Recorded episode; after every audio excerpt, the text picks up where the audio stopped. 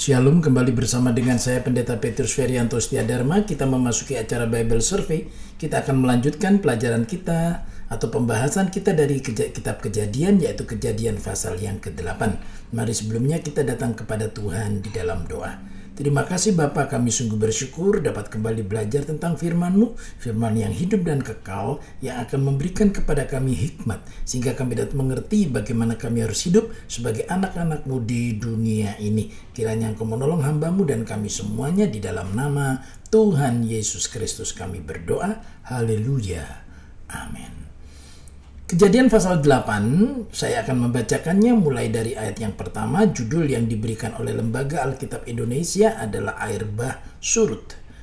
Ayat 1, maka Allah mengingat Nuh dan segala binatang liar dan segala ternak yang bersama-sama dengan dia dalam bahtera itu, dan Allah membuat angin menghembus melalui bumi sehingga air itu turun.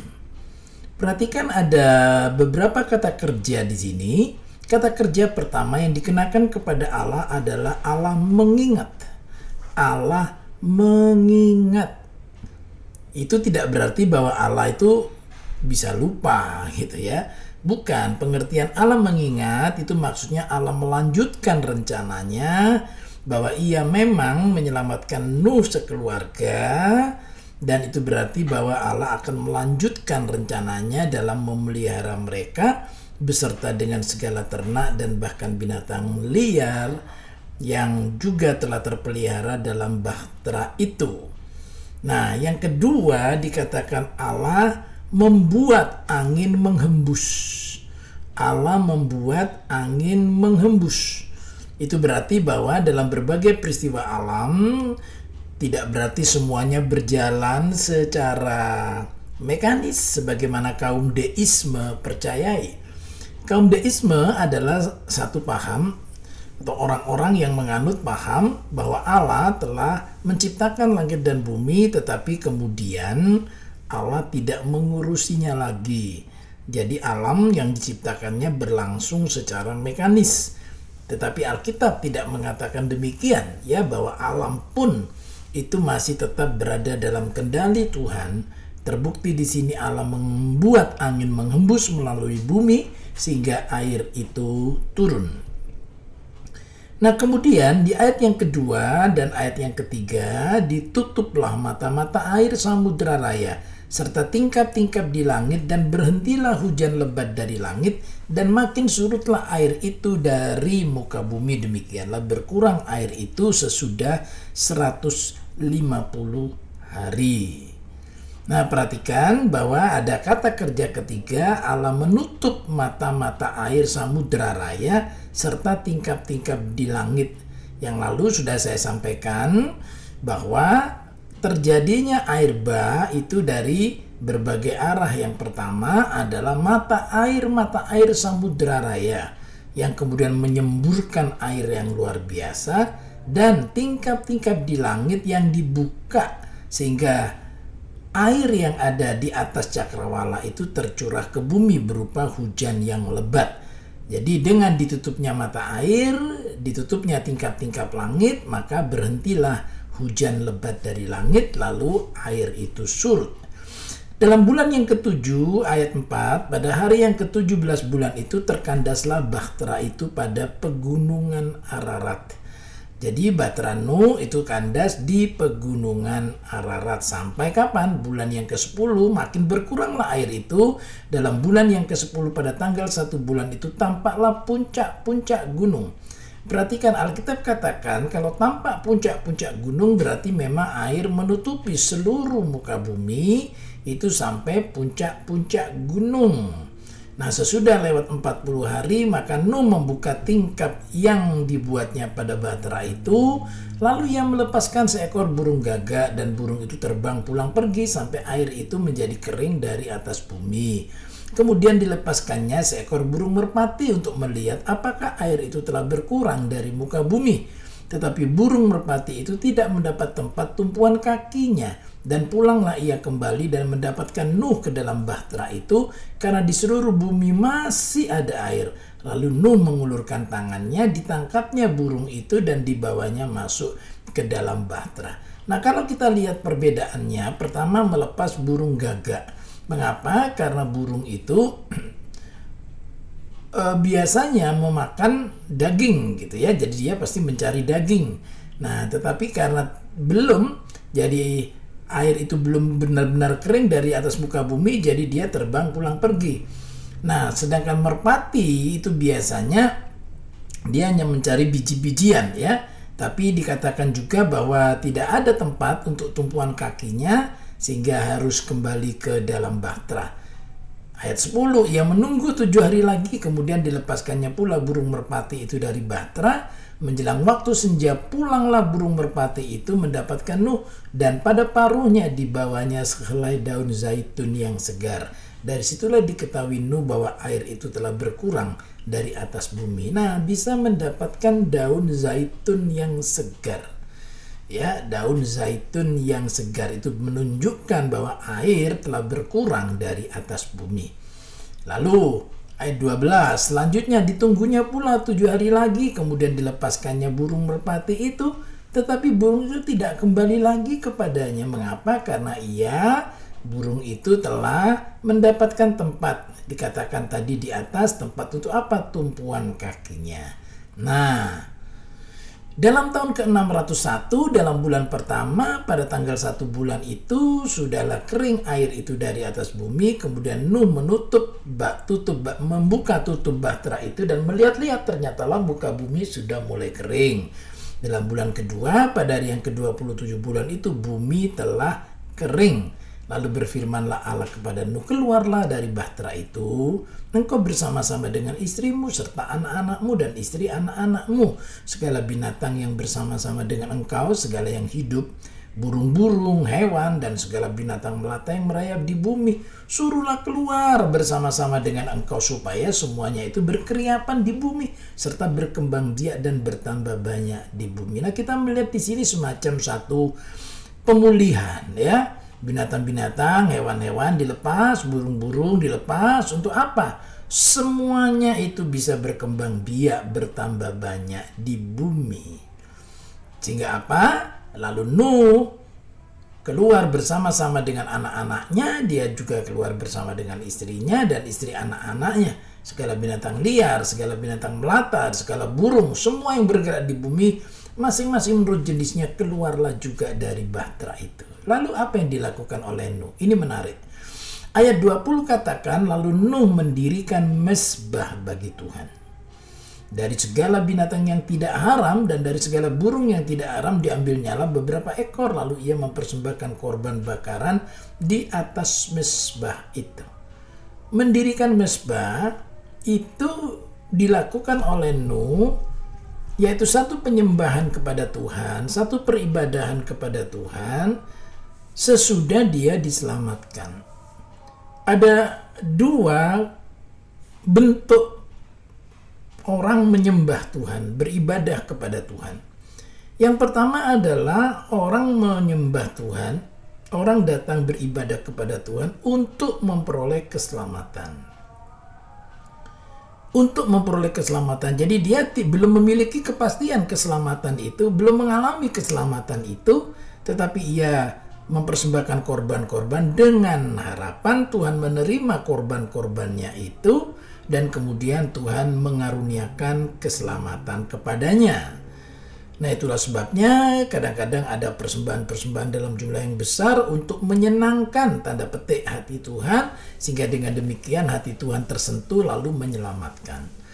Tapi yang kedua mendirikan mesbah itu oleh karena sudah mengalami keselamatan, sudah memperoleh keselamatan, sudah mendapatkan keselamatan lalu mendirikan mesbah itu untuk apa? Sebagai bentuk pengucapan syukur Terima kasih Tuhan karena aku telah diselamatkan. Bukan Tuhan tolonglah ya karena aku belum tahu apakah engkau berkenan menyelamatkan aku. Jadi Nuh di sini mendirikan mesbah sebagai tanda apa? Tanda mensyukuri untuk keselamatan yang setelah Tuhan kerjakan dalam kehidupan dia dan keluarganya. Nah ayat 21 ketika Tuhan mencium persembahan yang harum itu berfirmanlah Tuhan dalam hatinya. Aku tak akan mengutuk bumi ini lagi karena manusia, sekalipun yang ditimbulkan hatinya adalah jahat dari sejak kecilnya, dan aku tak akan membinasakan lagi segala yang hidup seperti yang telah kulakukan. Selama bumi masih ada, tak akan berhenti-henti musim menabur dan menuai, dingin dan panas, kemarau dan hujan, siang dan malam. Perhatikan di sini. Ada karya Allah lagi di sini dikatakan Tuhan mencium. Ya, Tuhan mencium persembahan yang harum itu. Nah, perhatikan saudara, ini adalah kalimat yang disebut antropomorfisme. Saya ulangi kembali istilah antropomorfisme. Oleh karena dalam kejadian pasal 3 dikatakan Tuhan berjalan-jalan di Taman Eden. Seolah-olah Allah itu punya kaki ya berjalan-jalan. Lalu Tuhan mencium. Seolah-olah Tuhan punya hidung ya. Ini disebut antropomorfisme penyerupaan dengan manusia supaya kita dapat memahami. Jadi Allah itu roh ya. Allah itu roh. Nah tapi dia di menyatakan dirinya itu seperti manusia supaya manusia memahami lebih mudah ya Allah mencium artinya berkenan kepada persembahan yang harum itu Nah, saudara-saudara, kalau kita memberikan persembahan kepada Tuhan, itu hanya ada dua kemungkinan. Persembahan itu ditolak atau diterima. Nah, bagaimana ditolak atau diterima? Harum atau tidak? Nah, harum itu artinya apa? Harum itu artinya memang berasal, persembahan itu berasal dari hal-hal yang Tuhan suka. Ya. Jadi berasal dari hal-hal yang Tuhan suka. Sebab ada orang memberi persembahan atau atau ya katakanlah membangunkan tempat ibadah atau apa tapi berasal dari pekerjaan-pekerjaan, aktivitas-aktivitas yang justru bertentangan dengan firman Tuhan. Mencuri di sana lalu memberi kepada gereja, korupsi di sana kemudian menolong hamba Tuhan. Nah, itu tidak betul. Ya, jadi Tuhan bukan hanya terpesona dengan persembahannya, tapi dari mana persembahan itu diperoleh. Jangan tangan kanannya itu madu, tangan kirinya itu racun. ya. Mau memberi tapi berasal dari sesuatu yang justru bertentangan dengan firman Tuhan. Itu tidak bisa, itu bukan persembahan yang harum. Nah yang kedua, persembahan itu akan menjadi harum kalau disampaikan dengan penuh kerelaan hati, penuh sukacita, memberi kepada Tuhan dengan penuh kerelaan hati, dengan penuh sukacita. Mengapa? Karena Tuhan sudah melakukan hal yang baik tadi, keselamatan itu. Ya, jadi persembahan bukan keterpaksaan. Waduh ya, sudahlah saya memberilah. Nanti kalau enggak nanti Tuhan mengutuk saya. Lo bukan itu. Ya, memberi itu dengan penuh sukacita dan sukarela, bukan keterpaksaan. Nah, yang ketiga, persembahan yang harum itu itu diperkenan Tuhan kalau kita tahu bahwa sebenarnya Allah kita itu Allah yang kaya, bukan Allah yang miskin. Sebab masih ada anggapan orang-orang bahwa kalau saya memberi kepada gereja itu karena Allah sudah jatuh miskin. Maaf mungkin karena kena pandemi begitu ya. Jadi Allah pun mengalami resesi. Surga mengalami resesi. Tidak begitu. Dalam kitab Hagai dikatakan punya kula emas kata Tuhan, punya kula perak. Kalau sudah lihat kitab Wahyu, surga itu lantainya dari emas murni, gerbangnya dari mutiara. Dasar kota Yerusalem baru itu adalah 12 permata, batu permata ya. Uh, Allah itu sangat kaya, maha kaya. Jadi dia sebenarnya persembahan kita tidak ada seberapanya dari kekayaan yang Allah miliki. Tapi kalau sampai Allah berkenan terhadap persembahan itu, itu berarti karena ia memberi kepada kita satu kesempatan, satu anugerah untuk bekerja sama dengan Tuhan dalam menyatakan kerajaannya di muka bumi ini. Artinya, kalaupun saudara tidak memberi, Misalnya saudara tidak mau memberi, ya Tuhan juga bukan tidak mampu, dia mampu, dia akan tetap melaksanakan rencananya. Saudara memberi atau tidak memberi, Tuhan tetap melaksanakan rencananya. Cuma kalau saudara tidak memberi persembahan itu satu, itu berarti saudara tidak tahu berterima kasih. Ya, bukankah kita marah kalau anak kita setelah mendapatkan sesuatu dari orang lain kita selalu katakan, ya, ayo nak bilang apa sama om, sama tante, sama paman, bibi yang sudah memberikan mungkin roti, mungkin uh, alat tulis, ya, oh terima kasih om, terima kasih tante, ya, terima kasih. Persembahan itu adalah ungkapan terima kasih. Nah, kalau kita tidak memberi itu berarti kita orang yang tidak tahu berterima kasih. Bukan masalah besar kecilnya, tapi tentu orang yang menabur prinsip ini, prinsip persembahan menurut Rasul Paulus itu adalah prinsip tabur tuai. Kalau menaburnya sedikit ya menuainya sedikit. Kalau menabur banyak ya menuainya banyak. Kan begitu. Nah, ini alamiah. Ya, Bagaimana kita bisa menuai banyak kalau kita menuainya sedikit? Gitu. Jadi jangan marah kalau ada orang lain diberkati Tuhan lebih dari kita karena mungkin dia telah menabur begitu banyak. Karena menabur banyak, menuainya juga banyak. Saya tidak katakan ini untuk memperkaya diri, tapi ini konsep firman Tuhan yang mau tidak mau harus saya sampaikan. Kalau saya tidak memberikan pengajaran seperti ini, lalu jemaat ya kemudian tidak mengalami keberkatan daripada Tuhan. Ada dua pendekatan terhadap persembahan ini. Yang pertama ada hamba Tuhan yang berkata begini Pak, jemaat di tempat kami itu sungguh-sungguh sangat miskin Pak. Jadi saya bilang pada mereka katanya dia bilang tidak e, usahlah datang ke gereja saja cukup tidak usah memberi persembahan ya karena kami sadar saudara adalah orang-orang miskin tidak usah, tidak usah ngasih persembahan. Datang saja sudah, ibadah saja. Puji-pujian, dengar firman, berdoa. Sudah tidak usah ngasih persembahan. Wah, alasan itu saudara-saudara itu tidak bisa dibenarkan. Ya, justru mereka tetap miskin dan betul jemaatnya tetap miskin karena mereka tidak boleh menabur. Nah kalau mereka tidak boleh menabur, kapan mereka bisa menuai? Itu gimana? Keliru. Jadi mau jemaatnya itu miskin, mau jemaatnya itu kaya, ya disesuaikan dengan kemampuannya. Ya kalau miskin, ya seberapa. Bahkan Yesus juga mengamati seorang janda yang memberikan persembahan begitu kecil. Dibandingkan ada orang kaya yang pamer dalam memberikan persembahannya. Dan Yesus katakan bahwa pemberian daripada janda miskin itu lebih besar secara apa? Secara prosentase. Karena janda itu memberi walaupun nominalnya kecil tapi itu seluruh hidupnya di situ. Ini misalnya saja ada orang saudara-saudara punya 10 ribu. Punyanya uang ya 10 ribu dengan seorang yang punya satu miliar. Yang satu miliar memberi persembahan 100 ribu ya kan? Misalnya. Nah yang memberi 100 ribu orang kaya itu dari sisi nominal lebih besar daripada yang memberi 10 ribu. Tapi setelah memberi 10 ribu orang miskin itu jalan kaki dari gereja ke rumahnya. Tidak punya uang lagi ya untuk naik angkutan umum atau apa ya sudah 10 ribu itu diberikan gitu. Sehingga akhirnya apa? Nah akhirnya Yesus katakan yang memberi 10 ribu itu itu lebih besar dari dari sisi prosentase daripada 100 ribu. Yang 10 ribu itu berarti sama dengan 100 persen. Sedangkan yang memberi 100 ribu dibandingkan dengan 1 miliar berapa? Kecil sekali kecil sekali.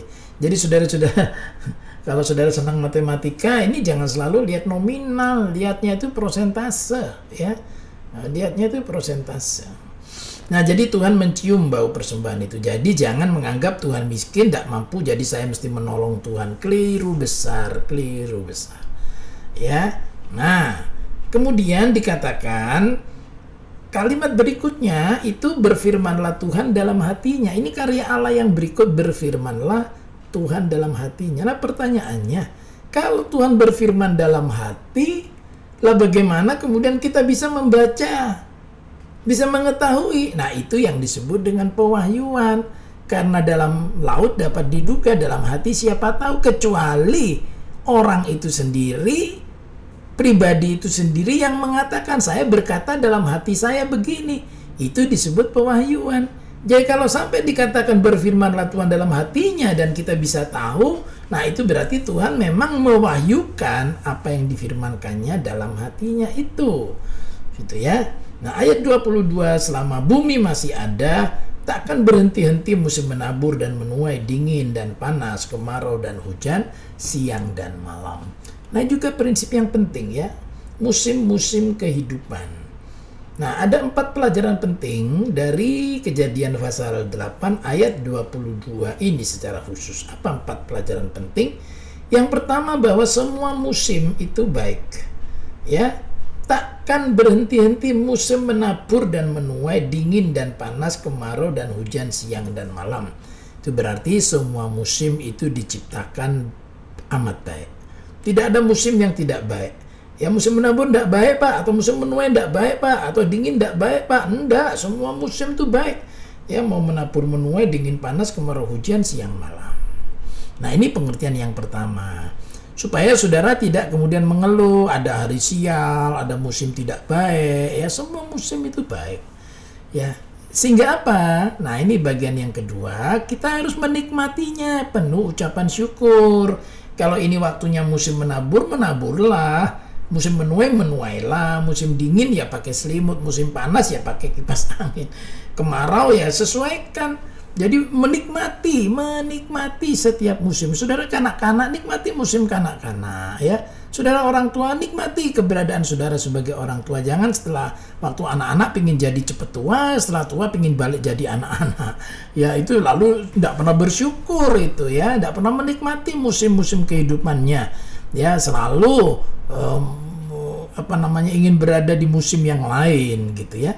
Nah, saya agak sedih ada beberapa belakangan ini anak-anak itu ya seharusnya mereka bermain lagunya lagu anak-anak tapi sudah dieksploitasi untuk bisa mendatangkan keuangan mungkin bagi manajernya jadi ada anak yang masih berumur sekitar 10-11 tahun itu sudah disuruh menyanyi lagu tentang cinta itu ya lagu-lagu dangdut tentang cinta ya kasihan sekali eksploitasi kasihan sekali. Dia anak ya kalau dia menyanyi ya menyanyi lagu anak-anak ya.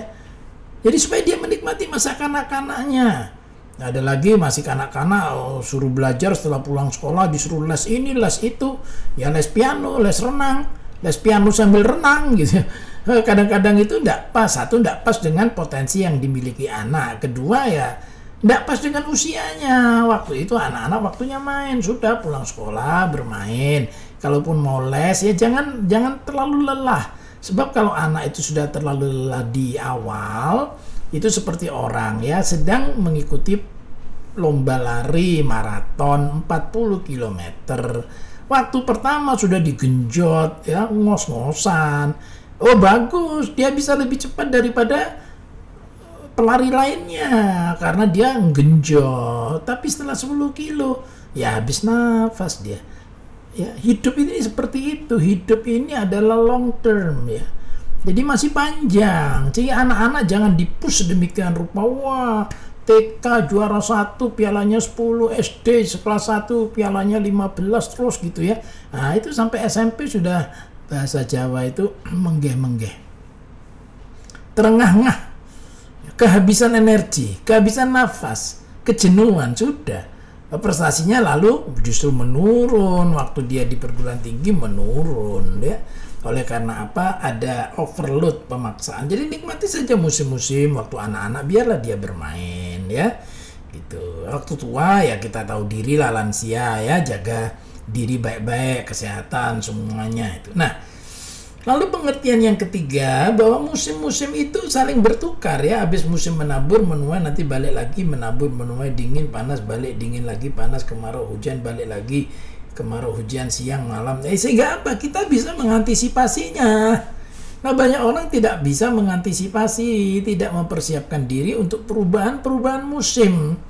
Nah perubahan-perubahan musim itu terjadi, itu kita sudah diberitahu kalau sudah menabur ya menuai kalau sudah mau masuk musim hujan ya sedia payung. Makanya ada pepatah sedia payung sebelum hujan. Jangan setelah hujan baru mau sedia payung ya. Sudah kehujanan. Siang dan malam, oh mau datang malam siapkan lampu-lampu penerangan yang penting. Jadi sebenarnya saudara kalau kita bisa membaca musim-musim ini karena ini akan berulang ya. Nah, dalam hidup kita juga begitu ya sudah tahu akan pensiun. Jangan setelah waktunya masuk pensiun marah-marah, saya kok masih tidak dipakai lagi, jasa saya begitu banyak, kok saya sekarang dibuang, loh kok dibuang. Ya Anda duduk saja Anda bertambah tua. Duduk saja itu sudah usia Anda bertambah. Jadi jangan salahkan siapa-siapa. Ya, justru nikmati mau masuk masa pensiun, nikmati masa pensiun. Jangan merasa seperti ya post power syndrome itu tidak baik. Ya post power syndrome selalu ingin berkuasa. Setelah pensiun masih cawe-cawe bahasa Jawa masih ikut campur uh, terhadap penggantinya. Buat apa? Sudah. Jangan remehkan Tuhan. Ya Tuhan memberikan kemampuan kepada orang-orang itu. Makanya saya selalu bilang jangan hanya kita itu finish well. Ya kita berakhir dengan baik tapi juga beyond finish well jadi kita mempersiapkan pengganti-pengganti kita. Mau orang tua punya bisnis, siapkan anak-anaknya untuk mungkin mau melanjutkan bisnisnya. Kalau tidak mau ya tidak usah dipaksa. Tapi siapkan generasi yang kemudian itu dengan prinsip-prinsip etika moral yang baik. Mewariskan harta bisa habis, wariskanlah etika moral yang baik. Ya, persiapkan diri saudara memasuki musim-musim itu. Nah, kalau saudara mengantisipasi, mempersiapkan lebih dulu, ya tidak akan saudara kemudian kaget-kaget loh lah kok saya di pensiun? Lah memang sudah waktunya pensiun. Ya begitu. Nah lalu yang terakhir untuk ber, dalam musim-musim ini dikatakan oleh firman Tuhan saya akan bacakan dari kisah para rasul apa maksud Tuhan dengan memberikan musim-musim itu kepada kita ya dengan jelas dalam kisah para rasul itu ketika Rasul Paulus itu berada di sebuah kota yaitu kota Athena, maka dia berkata begini ya. Pasal 17, kisah para rasul pasal 17 ayat 26, dari satu orang saja ia telah menjadikan semua bangsa dan umat manusia untuk mendiami seluruh muka bumi dan ia telah menentukan musim-musim bagi mereka dan batas-batas kediaman mereka. Jadi ada batas-batas geografis ya. Ada musim-musim bagi mereka supaya ayat 27 tujuannya mereka mencari dia. Dan mudah-mudahan menjamah dan menemukan dia walaupun ia tidak jauh dari kita masing-masing. Jadi diberikan musim tadi ya, musim dingin, musim panas, siang, malam itu untuk apa? Mencari Tuhan Oh, Pak, mencari Tuhan berarti Tuhannya hilang. Ya enggak lah ya, jadi kata mencari tidak selalu karena ada yang hilang. Tapi maksudnya itu menghampiri Tuhan, ya. Dan Rasul Paulus katakan mudah-mudahan menjamah dan menemukan dia. Mengapa ada kata mudah-mudahan? Ya, itu berarti bahwa sepertinya Allah tidak selalu dapat kita jamah dan temui. Artinya apa? Allah itu maha hadir Allah itu maha ada, ya kan di mana-mana selalu ada, di mana-mana selalu hadir. Tapi yang disebut dengan mencari sampai betul-betul menjama, menemukan, menikmati hadiratnya, itu itu tidak sepanjang waktu bisa kita peroleh. Bukan karena dari pihak Tuhannya, tapi dari kitanya. Dari kitanya mood. Nah, ini kalau sudah bicara mood perasaan kitanya, misalnya begini, ini contoh, ya kan? diberikan kepada kita pilihan untuk berdoa. Mau berdoa sebelum lihat sinetron atau berdoa setelah lihat sinetron. Nah, ada anak muda yang berpikir eh sama saja, yang penting nanti berdoa. Ya, berdoa sebelum nonton sinetron atau berdoa sesudah nonton sinetron sama saja. Jadi akhirnya dia putuskan nonton sinetron dulu. Setelah itu baru dia berdoa. Ya tentu hasilnya beda. Dengan apa? Kalau doa dulu baru nonton sinetron. Mengapa kalau nonton sinetron dulu, begitu sudah selesai nonton sinetron, maka kisah yang ditayangkan di sinetron itu ya masih melekat dalam pikirannya. Perlu waktu untuk kemudian istilahnya itu banting setir. Sekarang saya mau nyanyi lagu rohani, mau merenungkan firman, mau kemudian menikmati hadirat Tuhan. Nah itu belum tentu dapat tuh. Tuhannya ada, maha hadir, tapi kitanya yang belum tentu menemukan menjama dia. Ya, karena kita menempatkannya keliru, makanya selalu ya firman Tuhan katakan cari dulu kerajaan Allah dan kebenarannya. Maka semuanya akan ditambahkan kepadamu. Tapi kita selalu, ya kalau Tuhan dulu nanti tidak keburu, nanti langganan saya lari, nanti berkat saya hilang. Enggak, kan justru sebaliknya. Ketika kita mengutamakan mencari kerajaan Allah lebih dahulu dan kebenarannya, maka semuanya itu ditambahkan kepada kita. Ya jadi ada tujuannya musim-musim itu diberikan. Nah dengan demikian kembali kepada empat prinsip musim-musim itu. Yang pertama semua musim itu baik ya. Kedua, kita harus menikmati dan mensyukurinya. Ketiga, mempersiapkan diri. Ya, oleh karena musim itu berputar, kita sudah tahu setelah ini musim apa, setelah ini musim apa. Yang keempat, tujuan musim itu supaya kita tetap mencari Tuhan baik atau tidak baik waktunya. Musim apa pun itu kita diharapkan mencari Tuhan. Tuhan memberkati. Mari kita berdoa.